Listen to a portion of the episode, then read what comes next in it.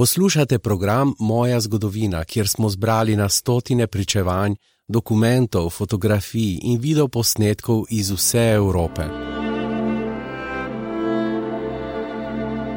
Projekt je začel Evropski parlament in tu se zgodovina Evrope prepleta z življenjskimi zgodbami njenih državljanov. Liljana Segre je dosmrtna senatorka Republike Italije. Naziv je 19. januarja 2018, natanko 80 let potem, ko so v Italiji začeli veljati fašistični rasni zakoni, podelil predsednik Sergio Mattarella za izjemne zasluge za družbo. Liljana Segre je doživela in preživela grozote koncentracijskega taborišča v Auschwitzu. Rodila se je 10. septembra 1930 v Milano. Izhaja iz premožne, meščanske in judovske italijanske družine, čeprav vera pri njih doma nikdar ni bila na prvem mestu. Moja družina izhaja iz Milana. Že stoletja živimo v Italiji. Že odnegdaj pripadamo italijanski družbi. Oče in stric sta bila celo častnika v prvi svetovni vojni. Stric je bil fašist, oče pa antifašist. Oba pa tesno povezana z družbo, oba zelo posvetna, tako kot cela družina. Lahko bi rekli, da smo bili ateisti. Liljana še ni bila stara eno leto, ko je umrla mama. Vzgajal jo je oče Alberto, pomagali pa so mu starši. Prvi dve leti državne osnovne šole je obiskovala v centru Milana. Poleti 1938 je oče zaskrbljeno povedal, da se jeseni ne bo mogla vrniti za šolske klopi. Začeli so veljati rasni zakoni in ne samo za šolarje. Zaradi tega zakona nisem več smela v šolo. Vsi italijani, pripadniki judovske manjšine, so bili izključeni iz šolskega sistema, iz društv, iz telefonskih imenikov. Na vseh ravneh smo bili izključeni. Od kramarjev, ki niso smeli več prodajati, pa do profesorjev na univerzah, učiteljev, avtorjev. Celo avtori učbenikov za matematiko so bili izbrisani z naslovnic svojih del.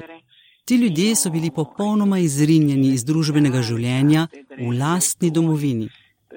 In to samo zato, ker so se rodili, ne ker bi naredili kaj narobe. Stara sem bila osem let in me je silno prizadelo.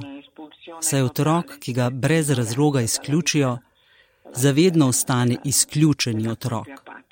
To sem tudi povedala predsedniku Matareli, ko me je vprašal, kako sem se počutila, ko sem prišla v senat. Odgovorila sem, kot tisti otrok, ki je bil izključen iz šole.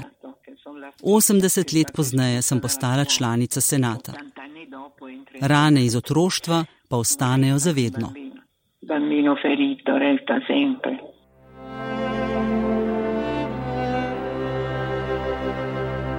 Da bi lahko nadaljevala šolanje, je Alberto Segre hčerko upisal v zasebno šolo. V naslednjih petih letih se je Liljana, ki še vedno ni mogla razumeti, kaj je storila, da je bila izključena iz šole in da ni smela več med sošolce in učitelje, zavedala, da se vse nezadržno spreminja. Skozi leta smo postali nevidni. Telefoni so nehali zvoniti in ljudje so se oddaljili, prijatelji pa so ostali. Ni jih bilo veliko, a bili so pravi prijatelji, taki, ki te nikoli ne zapustijo.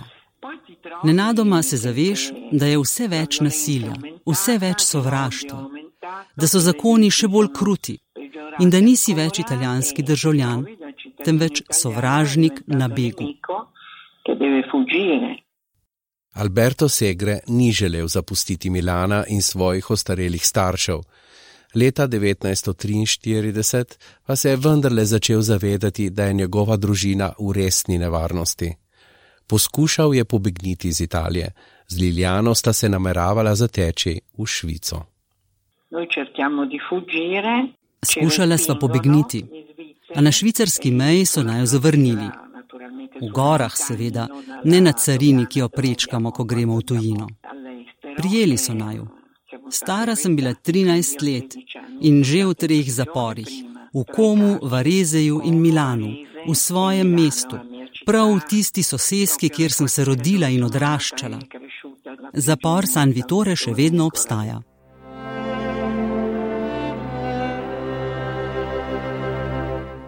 Liljana je v milanskem zaporu San Vitore preživela 40 dni.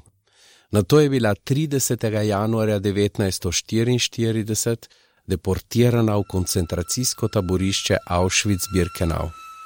Na vlak je stopila z perona številka 21 na milanski glavni postaji, kjer danes stoji spomenik Šoe, in na cilj prispela po sedmih neskončnih dneh. Takoj so jo ločili od očeta, ki ga nikoli več ni videla. Umrl je 27. aprila. Tudi očetove starše so 18. maja 1944 aretirali v Inverigu blizu Koma in nekaj tednov zatem deportirali v Auschwitz. Ubili so jo takoj po prihodu, 30. junija 1944. Po prihodu so me ločili od očeta. Stara sem bila 13 let in osamljena. Nisem vedela, zakaj sem tam. Bila sem izobčenka med drugimi taboriščniki, najbolj neumna. Nobenega jezika nisem znala, niti tega nisem vedela, v katerem kraju sem. Rešila sem se čisto po načočju. Pri selekciji so Liljani dodelili številko 75190, ki so jo tetovirali na podlaket. Številka postane del tebe, vtisne se vate. Mislim, da si jo je zelo malo preživelih dalo odstraniti. Nekaj jih sicer poznam, a večina jo je obdržala. To je sramota za tiste, ki so nam jo vtisnili, zato je niti slučajno ne skrivam. Že vsa ta leta, kar glede na mojo starost ni malo, poleti vzbuja pri drugih radovednost in presenečenje. Še večje je bilo, ko so bile tetovaže še bolj redke. Zgodilo se je tudi že, da se je kakšna moja nevedna vrstnica iz tega norčevala, čež da sem si dala narediti tetovažo sama. Približno eno leto je prisilno delala v tovarni streljiva Union, ki je bila v lasti Siemensa. V ujetništvu je prestala še tri postopke selekcije. Bila sem delavka, sužnja v tovarni streljiva Union, pa nisem umrla. Primerjala sem se z drugimi zapornicami, ki so bile približno moje starosti. Jaz sem bila ena najmlajših nasploh. Spominjam se še dveh ali treh. Druge so imele vsaj minimalne življenjske izkušnje, tudi če so bile le kakih štiri ali pet let starejše od mene. Počutila sem se kot razvajena punčka, ki so jo do zadnjega obvarovali predvsem, ki je bila vajena le vsega najboljšega. Opazovala sem druge, ki so bili bolj iznajdljivi in so se izborili kakšno dodatno krpo, da so se pokrili ali za imalko juhe. Jaz tega nisem znala. Vedno sem bila taka. Zato je še toliko bolj res, da sem živa po naključju, saj nisem nikoli znala ločiti manjšega zla od večjega. Živela sem tako eh, naivno, nisem bila kot mnoge druge. Nekatere so bile sicer še manj iznajdljive, a veliko jih je bilo, ki so bile bolj spretne in so se bolje znašle. Jaz pa lahko bi rekli, da sem se znašla tam kot nebogljeni mladiček sredi neurja. Po vseh teh letih Liljana se gre še kar ne more verjeti in razumeti, kako je lahko preživela holokaust. Moje življenje predtem je bilo polno privilegijev. Za vse je bilo poskrbljeno. Stari starši so me imeli neznansko radi. Odkrito povedano, preživela sem po neverjetnem naključju, saj me je premetavalo kot listje v vetru. Kasneje sem si ulila poguma, skušala sem se postaviti na noge. O tem tudi vedno pišem in govorim mladim. Življenje ni pogrebna koračnica, skozi nje treba hoditi z dvignjeno glavo, korak za korakom. Tudi sama sem se tako utrdila, postala sem močnejša. V Avšvicu je Liljana, shujšana do kosti, doživela nepojmljivo nasilje. Tako je medicinska sestra kar škarjami odrezala ognoje, ki se je pojavil pod pazduho. Kot sama pravi, je bil to eden najbolj žalostnih dni, ki jih je preživela v taborišču. Ko se je vrnila v svojo barako, je ena od zapornic, ki je ni poznala, iz zanikrne vrečke potegnila tanko rezino surovega korenja in jo je podarila. Bilo je tudi nekaj solidarnosti, vendar je večina ni premogla. Jasno je, da ko ti življenje nameni tako izkušnjo in nimaš ničesar, popolnoma ničesar, razen lastnega telesa pokritega s capami, si zelo težko solidaren. Ko pa naletiš na solidarnost, no, to je res dragoceno. Pravi dragul. Teh spominov se oklepaš in v takih trenutkih doživiš toliko sreče kot pri ničemer drugem. Vendar je treba najprej doživeti, kako je, ko nimaš ničesar. Šele po čem takem lahko ugotoviš, da je rezina surovega korenja veliko dejanje solidarnosti. Konec januarja 1945 se je Liljana podala na smrtni pohod v Nemčijo. Izpuščena je bila 1. maja 1945 iz Malhova, manjšega taborišča ob večjem Ravensburškem, ki ga je osvobodila Rdeča armada. Liljana se spominja, kako so Nemci bežali pred sovjetskimi vojaki, da jih ne bi zajeli, in kako se je enem od njih želela maščevati. Šlo je za oficirja, ki je vodil taborišče Malhov na severu Nemčije, kjer sem bila, preden so me izpustili. Naenkrat se je znašel ob meni. Preoblačil se je v civilna oblačila in me sploh ni opazil. Tako ali tako, nisem bila za nihče. Rekli so nam štuk, komat. Na tla je vrgal pištolo, ker se je hotel znebiti vsega, kar je bil do takrat. Bili smo na podeželju, zunaj taborišča. Zagledala sem pištolo in neznansko me je imelo, da bi jo pobrala in ga ustrelila. Se bi to bilo edino pravično. Vendar sem se v tistem trenutku zavedala, da nisem kot oni. To vedno povem mladim, ki me poslušajo. Drugačna oseba sem. In že zato, ker nisem niti posegla po pištoli, sem se zavedala, kakšno srečo pravzaprav imam. Srečo, da sem žrtev in ne rabel. Nikoli iz nobenega razloga ne bi mogla ubiti človeka. Nisem ga ubila, ko sem imela priložnost in tega ne bi mogla nikoli storiti. V tistem trenutku sem odkrila osebo, kakršna sem postala kasneje in za katero nisem več rekla, da je bila najbolj neumna. Bila sem preprosto ženska.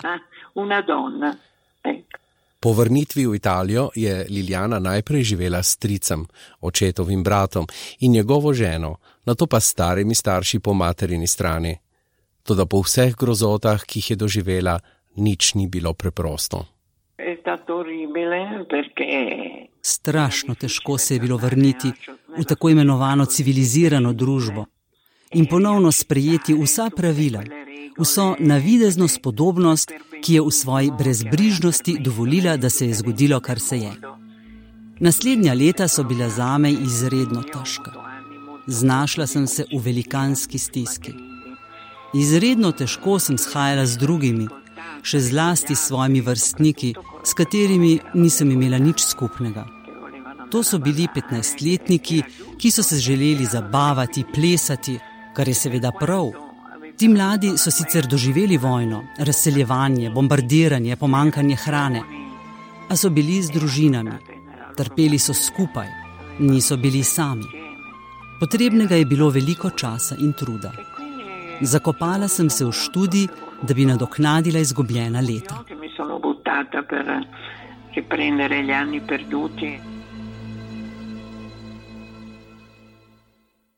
Tri leta pozneje je Liljana v Pezaru spoznala moškega, s katerim se je na to poročila. Tudi Alfredo Beli Pači je bil v nacističnem koncentracijskem taborišču, ker se ni želel pridružiti Salojski republiki, režimu pod vodstvom Benita Mussolinija, pod katerega so spadale regije, ki jih zavezniki niso zauzeli.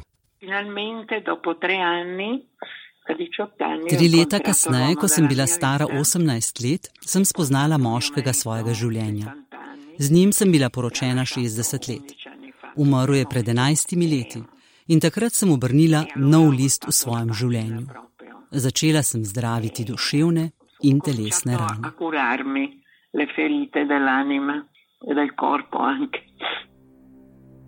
Ko je bila stara 65 let, se je Liljana odločila spregovoriti o grozotah, ki jih je doživela. Erano anni in cui mi tormentavo su questo punto di non aver fatto il mio dovere. V tistem času me je mučil občutek, da nisem opravila svoje dožnosti. Izgubila sem družino, tega nisem slišala od drugih. Leta so minevala, rane so se počasi celile in zaživela sem mirno življenje. Imela sem srečo, da sem postala mama in dojila svoje otroke. Materinstvo se me je zelo dotaknilo. Toda vse bolj me je razžiral občutek, da nisem storila vsega, kar bi lahko, za ljudi, ki so odhajali v smrt. In za tiste, ki se niso nikdar vrnili. Za vse, kar se je zgodilo, pa so iz tisoč razlogov zanikali. In tako sem leto za letom postajala močnejša. A šele takrat, ko sem postala babica, sem spoznala, da je napočil pravi čas. Nisem vedela, če bom sploh znala kaj izustiti. Imela sem majhno podjetje, v katerem sem še do nedavnega delala, in nikoli nisem govorila v javnosti, nikoli.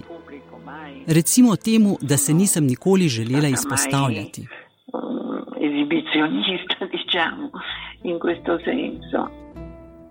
Sodelovanje s šolami in stik z najmlajšimi sta postala če dalje pomembnejša. Začela sem počasi. Najprej v majhnih skupinah, po en razred naenkrat dokler to ni preraslo v nekaj veliko večjega. Začeli so me vabiti v vse več šol, v vse večje dvorane, celo na Bolonski stadion, kjer se je zbralo 4-5 tisoč mladih. Skozi leta sem se z njimi srečevala in jim govorila kot babica vnukom. Nikoli ne govorim o sovraštvu in maščevanju. Govorim, kot bi govorila babica. Svoji vnukinji pripovedujem, kaj se mi je zgodilo in v njej vidim sebe. Senatorka Segre je o širjenju sovraštva do vsega, kar je drugačno, povedala. Menim, da je sovraštvo z leti naraščalo. Nekatere teorije so sicer že odnegdaj obstajale, vendar jih ni nihče govoril na glas, ker preprosto ni bil pravi trenutek za to. Ravno se je končala krvava vojna, oblast so prevzele demokratične vlade. Veliko se je zgodilo. Postopoma pa so ta sramotna prepričanja spet začela pronicati na površje. Pa ne zato, ker jih prej ne bi bilo, ampak ker preprosto ni bil pravi čas, da bi na dan izbruhnila vsa potlačena jeza in sovraštvo. Proti sovraštvu se bori vsak dan.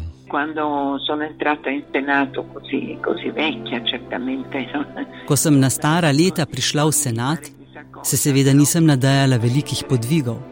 Vseeno pa sem želela obuditi pobudo, predlagano že pred časom, ki pa še ni zaživela. Ustanoviti sem želela neke vrste komisijo za boj proti sovražnemu govoru saj sem na lastni koži izkusila, kako se besede sprevržejo v dejanja, ki zaznamujejo cele narode in uničujejo ljudi. Za zmago nad sovraštvom, pravi, se moramo zauzeti vsi.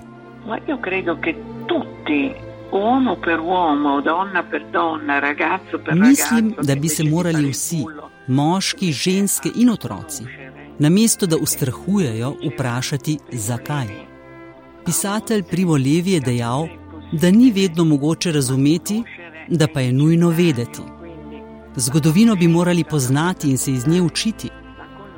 Zgodovina bi nas morala učiti, da ne sovražimo. Zgledovati bi se morali po velikih mislicih, pa tudi po čisto običajnih ljudeh, majhnih skupnostih, ki delajo dobro. To naj bodo naši učitelji, in čudoviti zgledi, ki bi jim bilo treba slediti. Sem človek, ki ne čuti in ne uči sovraštva, čeprav bi imela za to dober razlog. Per odiare e insegnare a odiare.